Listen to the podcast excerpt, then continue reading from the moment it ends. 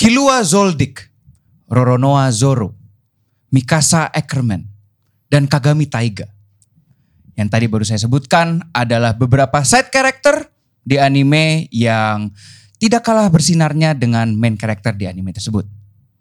Episode Otaku Box kali ini kita akan membahas siapa saja side character menurut kita yang juga bersinar seperti main character.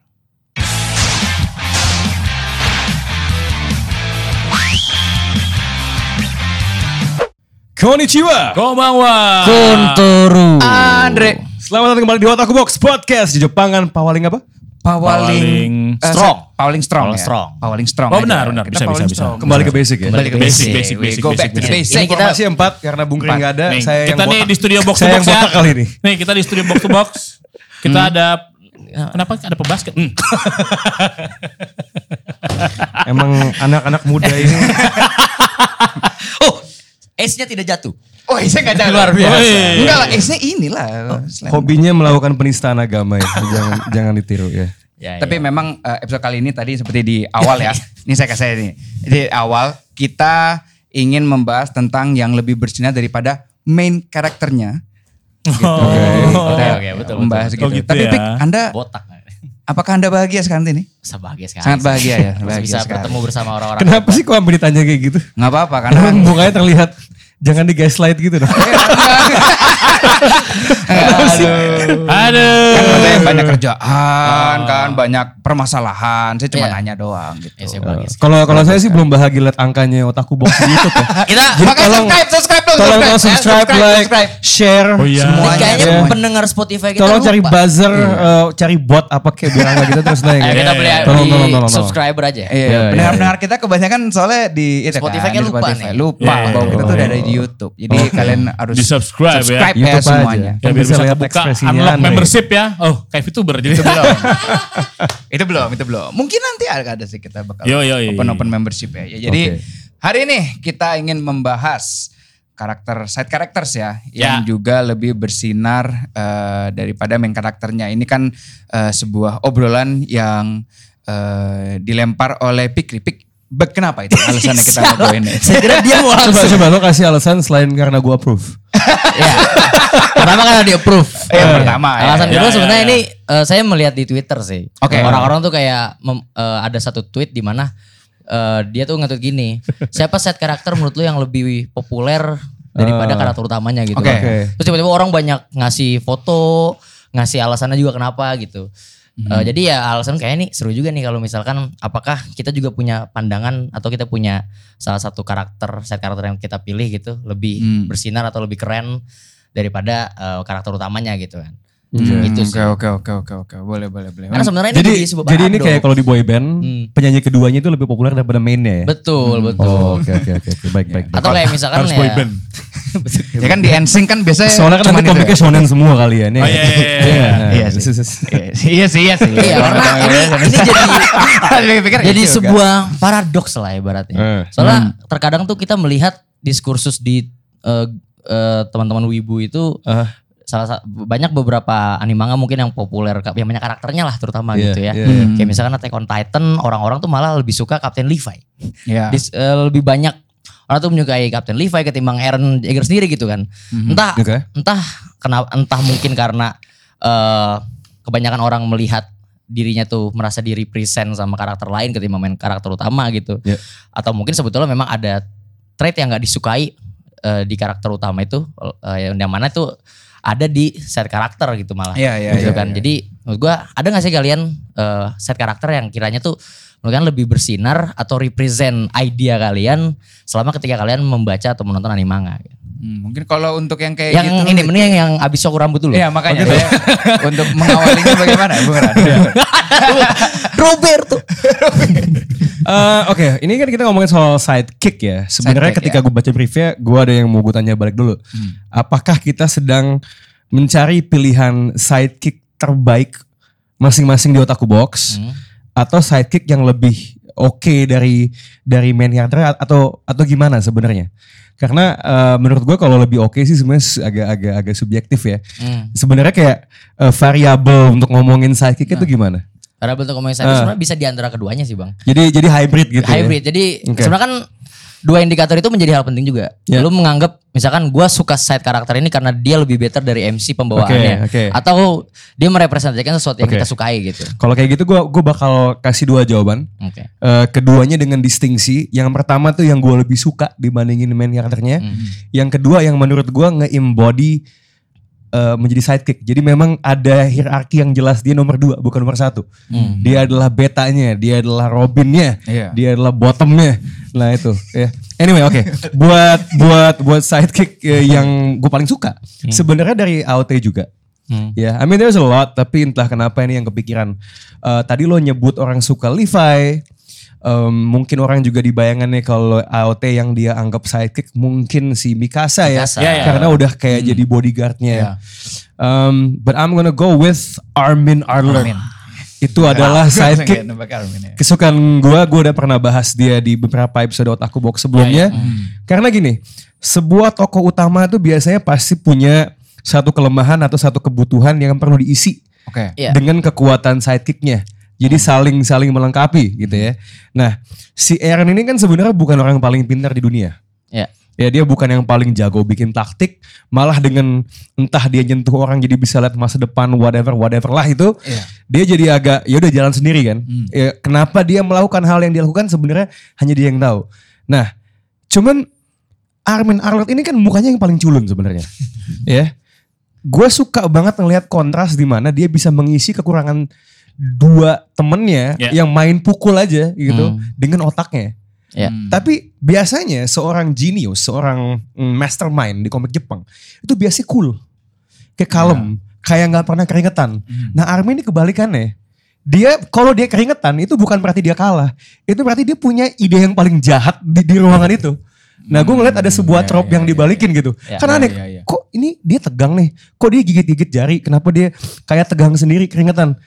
Bukan karena dia kalah atau gimana, tapi karena mikir. dia udah punya ide mastermind yang bakal bikin lawannya kejebak dan value-nya Armin itu kelihatan banget ketika ada pilihan mana yang diselamatin Erwin eh siapa eh, si general si si ketua Oh itu eh, itu bukan itu Arminnya yang mati. Iya, eh, iya, ada dua. Oh ada dua. Ada ya? dua kan. Oh iya iya. Terus si Aaronnya milih untuk enggak, Armin, oh iya. Armin Iya, yang gue iya. selamatin Iya, karena iya. dia yang akan bisa bikin kita maju selangkah Oke. lagi. iya. Jadi bagi gue Armin is my favorite side character ya eh, karena segala hal yang gue sebutin tadi. Nah, kalau kita ngomongin side character yang klasik, Hmm. yang oke dia nih nomor dua, Iya. dia wakil Hmm. gitu ya dia.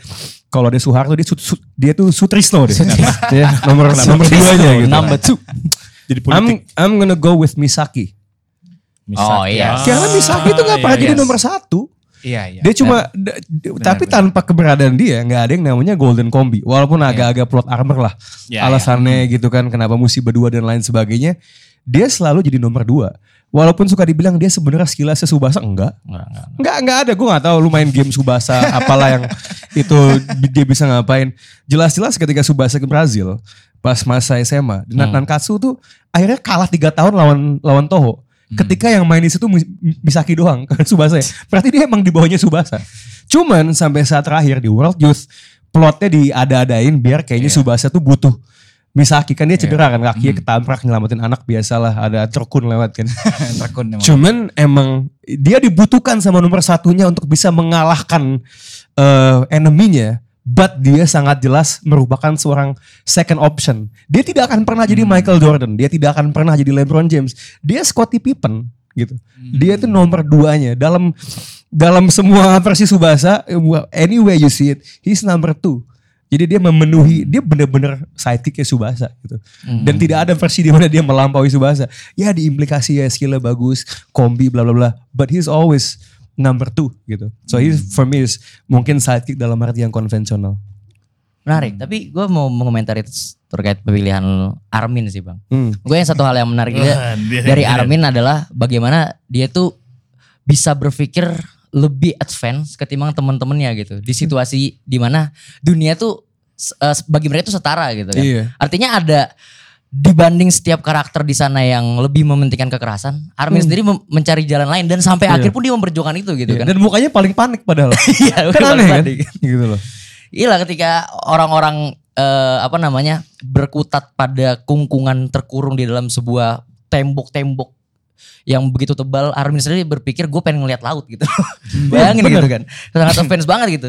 Dari awal tuh udah udah terlihat bahwa sosok karakter ini adalah yang bakal menjadi genggaman apa ya eh per- eh, peradaban di Attack on Titan gitu loh. Yang bakal jadi ibaratnya menyelamatkan peradaban ya gitu kan. Toh bahkan sendiri eh, Eren Eren sendiri memahami ketika dia memberikan kekuatan eh, eh, apa namanya itu Titannya Titannya gitu, gitu. Dia dia tahu kalau misalkan orang ini nih yang bakal menjadi penyelamat dunia bukan gua gitu kan Iya emang apa ya ibaratnya lo butuh army nih untuk naklukin dunia ya. Hmm. Lo tidak semuanya bisa yang tipikal pukul dulu Hmm. apa infanteri pemana lo butuh saat lo butuh Sun Tzu-nya sebenarnya. Betul, betul, Dan betul. Armin itu Sun Tzu-nya.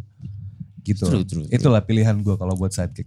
nice kalau anda sidekicknya apa bang Andre Mungkin jawaban saya itu bakal, eh maksudnya kayak ada dua juga ya jawaban saya sama Iya. dengan anak yang saya suka dan yang memang menurut saya he's always gonna be number two udah he ya, jadi udah tahu bahwa itu bakal cowok.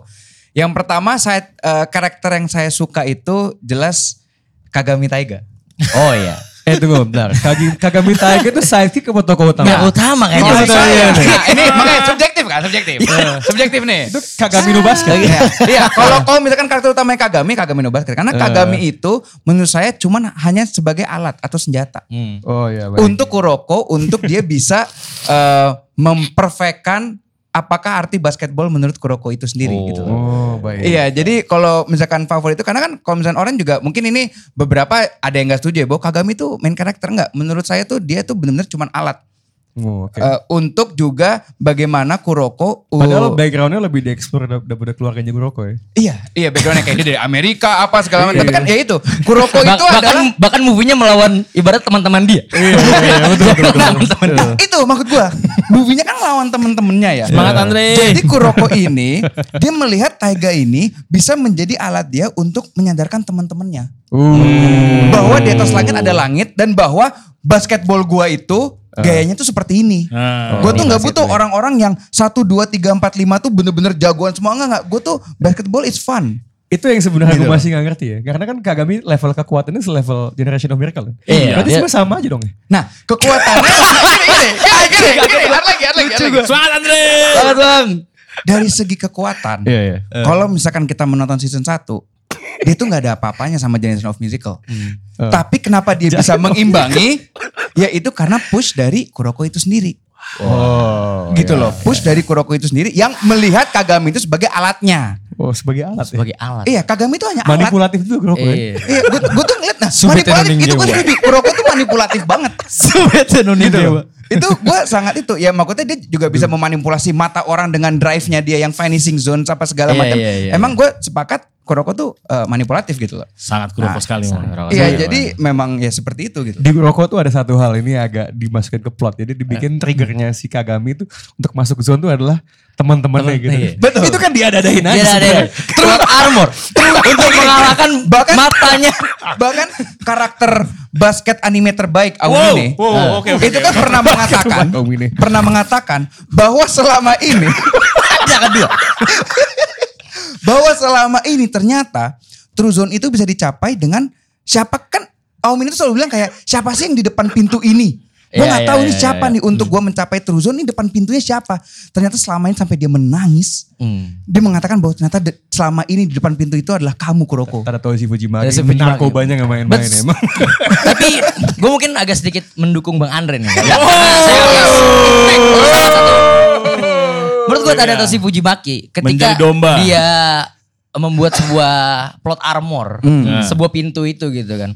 Menurut gue itu betul-betul memberikan sebuah eh, tamparan keras bagi generasi of mereka lainnya. Alasan mereka terpisah kan karena mereka merasa kuat. Jadi kita harus mem- Iya. membuat balance of power di mana kita, kita semua membuktikan diri siapa yang paling kuat di antara kita gitu kan. Ternyata yang paling kuat bukan di antara mereka, tapi ada orang dari Amerika datang tiba-tiba dengan basketnya sendiri dan dia Basket menghancurkan Amerika ya. dan, dan, dan, dan- dan dia tuh menghancurkan sebuah situasi di mana mereka mereka merasa eh, rasa superioritas mereka gitu kan. Betul Gitu. betul dan sebenarnya kan menurut gua hidden agenda. Uh, yang Kuroko. Iya. Yang Kuroko ada gitu ya. Yang Kuroko memang mau membuat Selenda nggak adalah punya hidden agenda nggak memang. punya. Dia mah cuma yang penting nih satu doang nih kan. Oh. Gitu kan. Oke oke oke Ya, oke. Hidden agenda dia Di adalah film Disney ya. Jadi gitu Iya. agendanya. gini. LGBTQ ya. Ada sana nih. Beberapa Oh, bener tapi gue sepakat Kuroko tuh agenda LGBT ya Ada, kencang, kencang, kencang sekali banget. memang. boys love-nya baik banget tuh. BL. Ya kan? Nah, jadi malah gini, hidden agendanya adalah begini. Kuroko dengan dia sebagai shadow yang selalu melihat dari belakang. Sebenarnya kan eh, view-nya dia tuh lebih luas bagaimana dia bisa mengenal tuh satu-satu satu-satunya itu. Lima-lima orang itu dia tuh lebih kenal. Dia mengetahui misalkan Aumine sudah males main basket karena menang mulu. Eh, Akashi, duh nggak ada yang bisa lebih pintar dari gua Hmm. gitu loh. Murasaki Bara, duh bosen nih gue tenaganya setengah aja deh, gue nggak mau full power. Ya. Semuanya tuh ada aja Ada alasannya alasan untuk main menurunkan basket, ya. dek main basket. Nah Kuroko itu agendanya adalah, guys kalah tuh rasanya gini loh. Hmm. Jadi supaya mereka Tapi dia putus senjata, dia putus senjata. Makanya Nah. ketika dia melihat Kagami Taiga, kelihatannya dia adalah satu-satunya orang gacha yang ya dari bisa. Amerika datang nih. Iya, Iya, Generation kayak, mereka "Tem, ke keenam datang. SSR dapat Kagami Taiga, gue akan menyadarkan teman-teman gue bahwa lu tuh nggak segitunya dan semuanya itu bisa terjadi jika memang lu memain basketnya tuh berlima. Ini gue tahu nih masa depan buat Andre nih. Bikin dojin. Enggak, enggak, Kuroko ya. Tapi kan emang Fanfic nih langsung dia nih. tapi kan mereka emang mencari biar bisa saling bisa saling mengalahkan. mengalahkan. Biar tahu siapa yang paling terbaik di antara mereka gitu kan. Iya, tapi kan Aumine nggak mau lawan Akashi juga kan?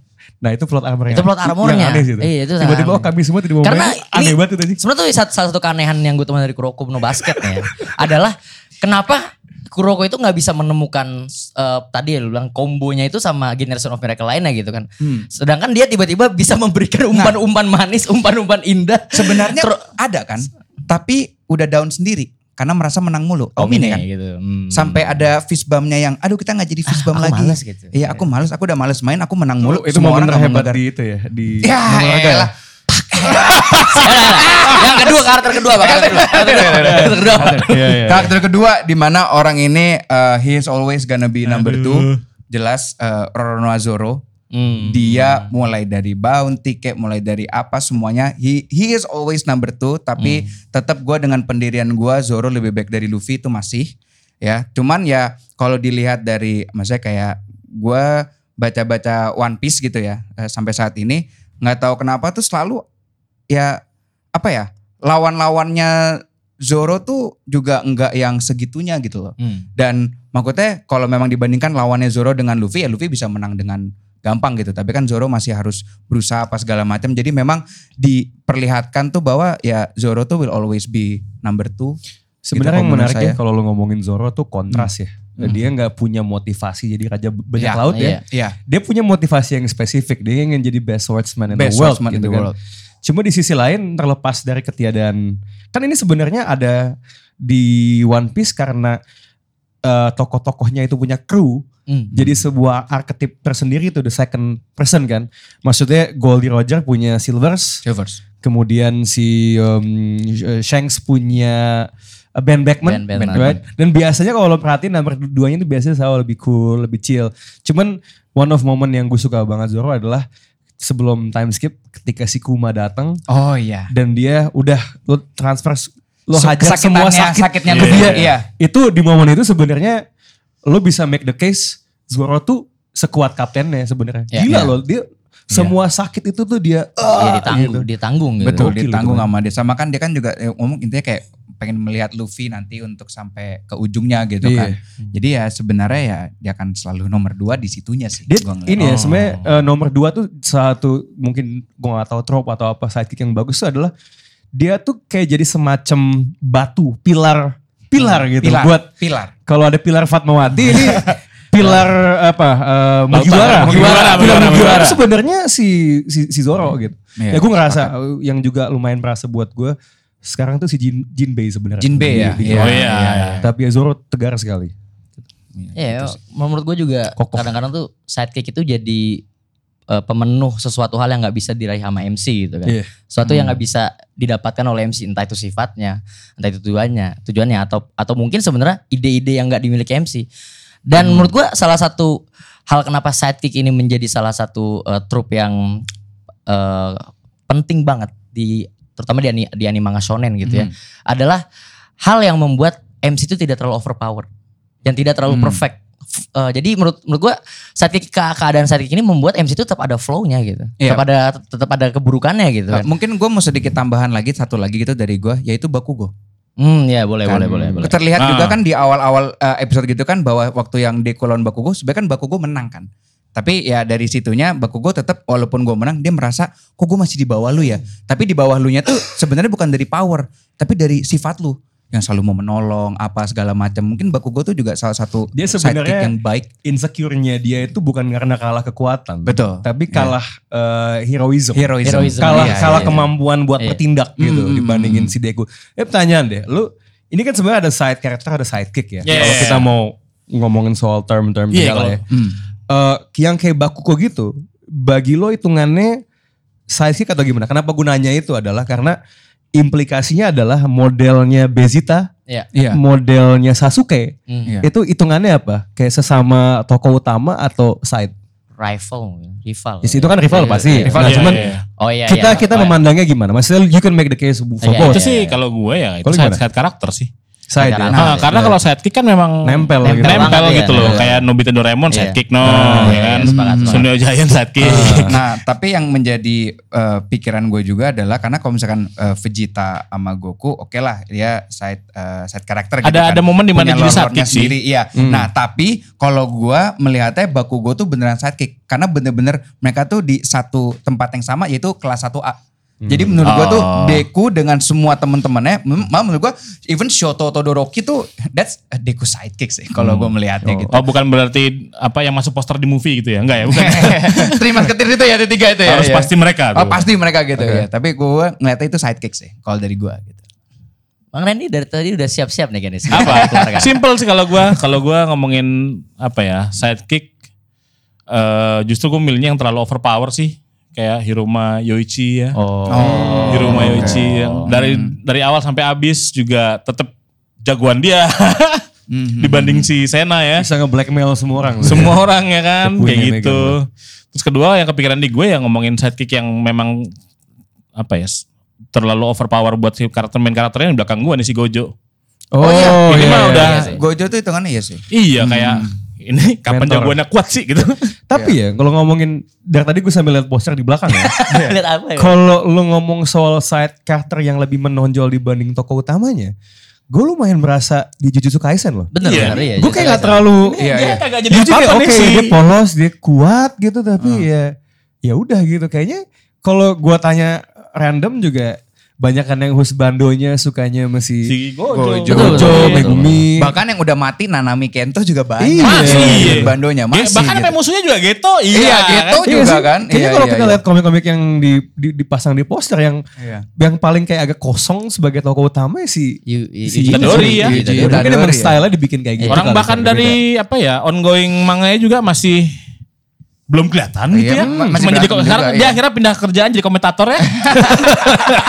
oh, guru, guru, kenapa guru? Udah aman. dia tuh butuh lagi. butuh kesurupan biar agak seru kan dia. Iya. butuh su- sukunanya sebenarnya. Iya, sekunnya pindah lagi ke temennya kan. Aduh. Ah. Itu makin itu lagi sih. Iya. Tapi menariknya tuh kalau dari eh, pool eh, orang-orang Jepang tuh mereka memilih karakter ter- eh, karakter yang mereka sukai di Jujutsu Kaisen tuh Megumi Fushiguro. Nah, My point ya, ya. exactly. Iya gitu ya kan lucu banget gitu. Bukan karakter utamanya gitu kan jadinya. Iya, orang sampai sekarang aja belum dikasih tahu dia bisa ngapain ya. Sebenarnya ada satu lagi sih yang terlihat orang tuh lebih suka banget dia yaitu di anime Tokyo Revenger. Menurut gua Miki tuh lebih Oh, lebih iya, iya, itu. dibanding Draken, si itu, Miki. Draken, Soalnya tokoh utamanya lemah gitu. Lemah Iya. banget. Iya, soalnya. Memang itu tadi yang tadi gue bilang. spotlight. eh, Set karakter dibuat se overpower itu sekeren itu karena untuk menutupi Melengkapi ya. dan melengkapi yang nggak Iya. yang nggak yang nggak perlu dilakukan oleh karakter utama. Karena ketika karakter utama yang punya kekuatan itu, yang punya plot armor itu akan terasa membosankan gitu kan. Hmm. Karena menurut gue menurut gue set karakter di- dibentuk supaya tujuannya tuh pertama adalah untuk ngedrive karakter ini supaya bisa ber- ber- berkembang. Hmm. Mhm. Supaya karakter ini tuh bener-bener ada alasan dimulai dari nol gitu kan. Mhm. Itu kan keseruannya selama ini gue membaca anime manga shonen itu seperti itu. Kenapa makanya tiba-tiba muncul karakter-karakter badass yang udah muncul di awal duluan gitu kan kayak lu misalnya nonton Naruto tiba-tiba udah ada ninja yang lebih hebat lagi, Iya. udah ada uh, guru-guru yang lebih keren lagi karena di situlah tujuannya untuk membuat karakter utama itu lebih sadar diri gitu kan. Pertanyaan ya, gue gue pengen tahu. Lu tendensinya Hmm. sebuah komik ketika tokoh utamanya lebih lemah dari side karakternya atau sidekicknya bahkan atau, atau yang paling sering sama dia, lu tendensinya tuh biasanya lebih suka atau nggak suka? Gue lebih suka seperti itu gitu. Hmm. Karena menurut gue, gue makanya gue gua, jujur aja, gue gak terlalu suka One Piece sebenarnya. Hmm. Nggak tahu suka One Piece Oke, karena menurut gue ya, by Pikri ya. Nggak One karena Piece. Trope itu tuh nggak ada di One Piece. Hmm. Lu, lu- Luffy menjadi sel- selalu menjadi Kuat aja oh, gitu iya, ya. kuat aja gitu Oh berarti kan. dia gak ikut kan ya yang ntar yang... Ya harusnya Ya, nggak ikut. goodbye. Eh, iya, Kita kasih Rossi Oh aja. iya, kasih Rossi aja lah ya. Cuma seperti itu. Menurut gua Kita nonton live action di apa kadang-kadang PIK tuh ya. gue gue ketika membaca anime manga itu mencari yang namanya reason d'etre gitu. Ya. Reason to live, Reason to exist, reason to ya. live, reason to existence gitu kan. Ya. Nah yang bisa membuat gue menemukan reason existence adalah orang-orang yang dari awal nggak punya tujuan, nggak punya kekuatan, menjadi eh, menjadi lebih kuat ketika ada orang-orang di sekitarnya yang menampar diri dia gitu loh. Ya ini, ini yang gue sebut sebagai sarana eskapisme gue. Ketika gue ingin menjadi diri gue menjadi lebih berkembang, menjadi lebih mas better gitu. Harus ada sosok di mana yang gue admire, yang gue bergantungi gitu. Karena Dan gue lu bisa lebih relate sebenarnya. Betul dan da- karena gue sendiri yang percaya bahwa pengalaman orang lain itu adalah the best teacher ketimbang Hmm. pengalaman gue sendiri gitu. Oh, pengalaman lu apa sih? Kayak kayak gimana sih pengalaman lu? Aku penasaran deh. Maksudnya Oh iya iya iya Lu kan gimana gimana tuh? melewati Ya, sebuah... mas, mas gue kan kalau kalau pengalaman kita apa yang kita lakukan aja. Oh gitu. Jadi gitu, kita gitu. lebih tahu sesuatu itu yang karena kita pernah lakukan. Oh gitu ya. Kayak mungkin perubahan Iya. lu ini tuh termasuk dari pengalaman hidup Betul. gitu ya. kayak. Nah kalau Oh. misalkan gue kenal Bang Rana, Bang Ah. Rana Bahagia nggak pengalaman? bahagia kenal Bang Rana. Dia hidupnya lebih udah lebih dulu daripada gue gitu kan. Ah. So gue bisa banyak belajar tentang dia, Oke, tentang hal-hal yang relate dengan diri ini gue. ini jokesnya agak lokal tapi kalau misalnya ketemu Pikri di jalan ya kayak wah ini Pikri otakku box tanya aja lu bahagia nggak? tanya aja tanya aja tanya aja. Iya Tanya aja, gitu. lu bahagia Jadi itu sebenarnya gue mungkin konteksnya gue agak sedikit eh, pinggirkan dalam artian tuh bukan Ya. hanya lemah gitu, tapi Iya. atau karakter utama itu nggak nggak punya kekuatan apa apa, tapi lebih ke arah dia punya existence gak sih, meaning existence-nya gak sih? Iya, iya. Dia punya makna untuk hidup gak sih? Nah menurut gue itu salah satu kelemahan yang disampaikan oleh beberapa manga shonen seperti Chainsaw Man misalkan. Ah. Denji gitu kan. Ya, Simple. Denji simple gitu. Dia pengen bertahan hidup gitu kan. Dia pengen bisa eh, membayar hutang segala macam gitu kan dari permasalahan hidupnya. Dari situ kan dari kemiskinan gitu. Nah. yang membuat form yang membuat dia ada eksistensi adalah ketika di approve sama Makima.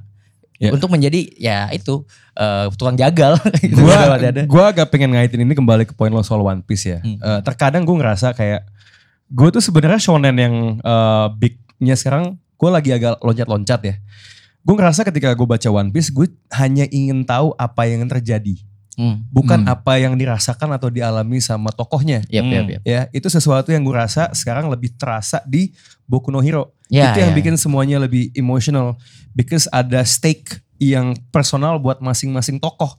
Ini bukan cuma soal ngalahin penjahat tapi ada sesuatu yang ada hubungannya Iya. dengan perkembangan tokoh tersebut. Betul, betul, Nah, itu yang kadang-kadang absen dari One Piece. Tapi sebenarnya One Piece juga pernah ada momen kayak kayak gitu di mana menurut gua itu adalah salah satu momen arc terbaik One Piece di Marineford. Kenapa itu compelling? Karena hubungannya Luffy sama Ace. Ace, iya, sama sebenarnya. Iya. Nah ini yang jadi agak kosong sebenarnya. Betul, To your betul. point ya kita agak side tracking sedikit ngomongin. Tapi gue gue setuju emang tokoh sidekick tuh ada untuk interaksinya dengan tokoh utama, Iya, betul. Uh, hubungannya, dinamikanya sebagai sebuah tokoh dan perkembangan tokoh tersebut gitu. Ketika dua-duanya berkonflik misalnya atau menghadapi sebuah masalah. True, true. Randy tadi apa aja karakter sidekicknya, side karakternya? Dia udah nyebut dua. Iya. udah nyebut oh, udah dua. dua. Oh, sekarang saya- Anda. Sekarang saya Anda. sampai lupa. Jadi udah di apa namanya disuruh nunggu lama gitu ya. Dilupain juga jawabannya. Aduh, Kalau aduh. perdebatan dengan Bang Rana nih agak sedikit Aduh, berbeda. aduh, kok Memang berdebat? orang-orang yang bahagia tuh bisa Diskusi, gampang diskusi. lupa Itu kan gitu ya. begitu Fafifu langsung. Langsung Nah, hilang langsung. iya, iya, iya, iya. Mohon maaf. Kayak waktu di konser kemarin juga Ah, lupa. iya, gitu, iya, konsernya nungguin. lupa. Mohon maaf. Ya, Kalau ketemu di jalan sama dia tanya aja ya. Kamu bahagia apa tidak? Iya, iya, iya. Ya udah jadi siapa? Siapa saya? Sasuke. Set karakternya. Kita Saya tuh tadi eh, kalau tadi kan udah. Sebenarnya tuh eh, kalau kalau gue sendiri ingin memilih em, tentunya Makima sih kalau untuk Oh, untuk sekarang dari Chainsaw Iya. Man. Karena menurut gue nih Dominan. yang yang bisa membuat Femdom. eh, yang bisa membuat sebuah main karakter Eh. itu berkembang, itu punya alasan yang tadi gue sebutkan, itu nggak cuman eh, teman-temannya aja, Iya. itu nggak cuman orang- orang- orang-orang yang ada di sekitar aja, Makima tapi ya. sebuah musuh yang absolut, yang terkesan tidak bisa dikalahkan, Eh. itu yang juga bisa ngedrive seorang main karakter Yang langsung nyosor aja iya, gitu. gitu kan. Iya. Jadi menurut gue kehadiran Makima ini Makima. unik karena karena karena dia dia ini diplot dari awal sebagai Iya. sebagai seorang eh, apa namanya pemimpin gitu ya. Iya. Nah, tapi yang menariknya adalah yang membuat yang membuat tertarik kenapa gue memilih Makima adalah sosok Makima ini sangat manipulatif gitu. Betul. Betul. Sangat manipulatif. Sepakat.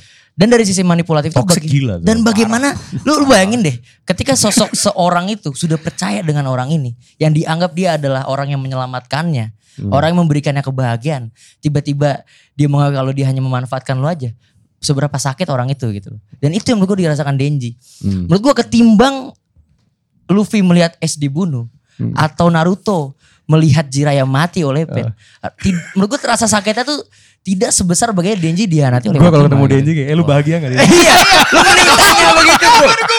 Lu bahagia, lu bayangin dia gitu.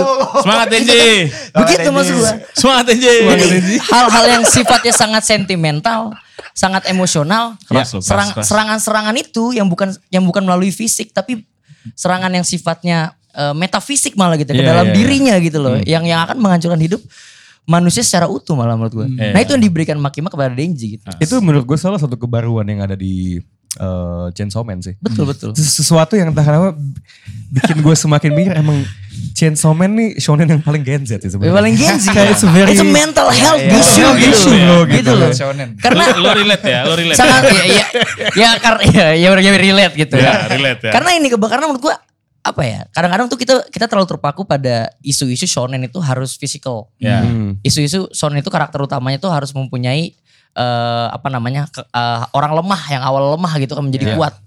Menurut gua nggak harus seperti itu gitu. Hmm. Menurut gua malah sesuatu hal yang sifatnya lebih di apa dimengerti oleh orang banyak terutama misalkan Gen Z gitu. Hmm. Adalah hal yang menyentuh-menyentuh bagaimana perasaan Gen Z ini kepada seorang seorang karakter gitu. Iya, iya. Dan menurut gue Denji itu bisa mewakili Gen Z karena dia berasal dari eh, situasi yang sama, keresahan yang sama gitu kan. Kalau misalkan kita sekarang isu yang lebih berkembang di Gen Z adalah eh, misalkan apa namanya tadi mental health gitu, kemiskinan misalkan Oke. eh apa namanya terkait eh, kesempatan bekerja, kesempatan untuk hidup lebih layak gitu kan, kesehatan Hmm. dan segala macam. Menurut gue itu yang berhasil dibawa oleh Tatsuki Fujimoto di Chainsaw Man. Meskipun Ya. orang-orang banyak mengkritik ceritanya nggak jelas. Tapi ketika lu mendalami itu secara apa ya, secara mencoba mencari uh, relatable Uh, antara uh, tarikan, garis- tarikan, ya, tarikan tarikan, terhadap tarikan. hidup lu itu sangat dekat banget gitu. Dan menurut gue itu satu ya Makima. Benar Ya, soal soal Makima yang juga pengen gue tambahin ya. Kalau memang mau kita analogikan itu sebagai sebuah hubungan yang toxic, Hmm. the thing about hubungan yang toxic adalah yang terlibat di hubungan itu nggak tahu. Betul. Ini tuh sebenarnya tuh ada yang jahat di sekeliling dia. Yep. Itu satu. Dan sampai titik tertentu sebenarnya ada hal-hal bagusnya. Walaupun itu semua di Yes. balik itu ada yang manipulatif dan Iya. ada yang jahat. Nah ini yang membuat orang-orang tuh mengejar kebahagiaan yang temporer gitu. Kebahagiaan yang Fana, sementara. fana, Fana, fana. gitu kan. Sifatnya tuh nisbi gitu. Uh, nisbi. Ini ini yang membuat yang dirasakan juga mungkin oleh Denji gitu kan. Iya. Sesuatu yang dia merasa dia tidak punya itu, itu kebahagiaan bersama Hmm. orang-orang yang dia percayai, dia sayangi. Tiba-tiba direnggut kembali. Itu seperti dia merasa apakah gua layak untuk bahagia? Nah. Apakah gua deserve untuk bahagia? Nah, Mas gue tuh seperti Nah, itu. dan kalau kita kaitin dengan perkembangan tokoh, gitu. kan gini, perkembangan tokoh tuh terkadang adalah ketika dia sadar sebenarnya yang dia butuh tuh apa. Selalu ada kontras antara wants and needs. Yep, yep. Apa yang dia mau dan apa, yang dia butuh. Hmm. Di awal dia cuma pegang toket. Itu Yep, apa yang dia mau. apa yang mau, Ketika nafsu. ketika semua ketika temennya di ha gitu, ya di eh gitu, ya, Di- dia yang Kendalikan gitu. dia ngerti yang dia butuh tuh kebahagiaan Kebahagiaan. dengan teman-temannya sebenarnya. Bu- bukan hal yang sifatnya sementara Iya. itu gitu. kan. Jadi sebenarnya ini juga tokoh side tuh yang bagus ketika dia bisa dengan caranya sendiri bikin orang tokoh utama sadar gue sebenarnya butuhnya apa. Nah biasanya itu dengan cara yang baik. Iya, Nah, sekarang ini keunikannya si Chainsaw Man adalah dengan cara yang paling jahat dan tidak manusiawi Betul. yang bisa ada sebenarnya. betul betul. Tapi kita semua sepakat lah. ya. Saya baru satu nih.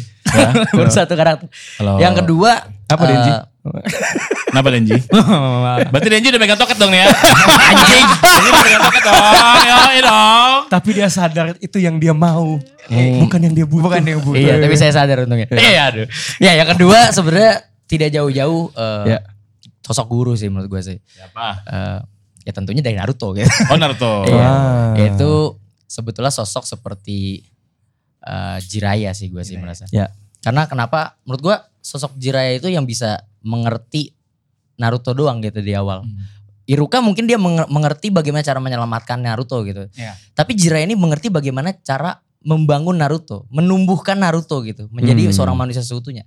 Karena yang dibutuhkan Naruto tuh bukan figur yang bisa menyelamatkannya sebenarnya. Karena menurut gue dia berada di situasi nggak seperti Eren Ya. yang diterkung oleh oleh tembok-tembok gitu kan yang Hmm. yang ibarat tuh dia dia berpikir besok gue bisa hidup atau tidak gitu kan. Iya. Naruto itu berada di dalam sebuah desa di mana dia dilindungi gitu kan. Iya.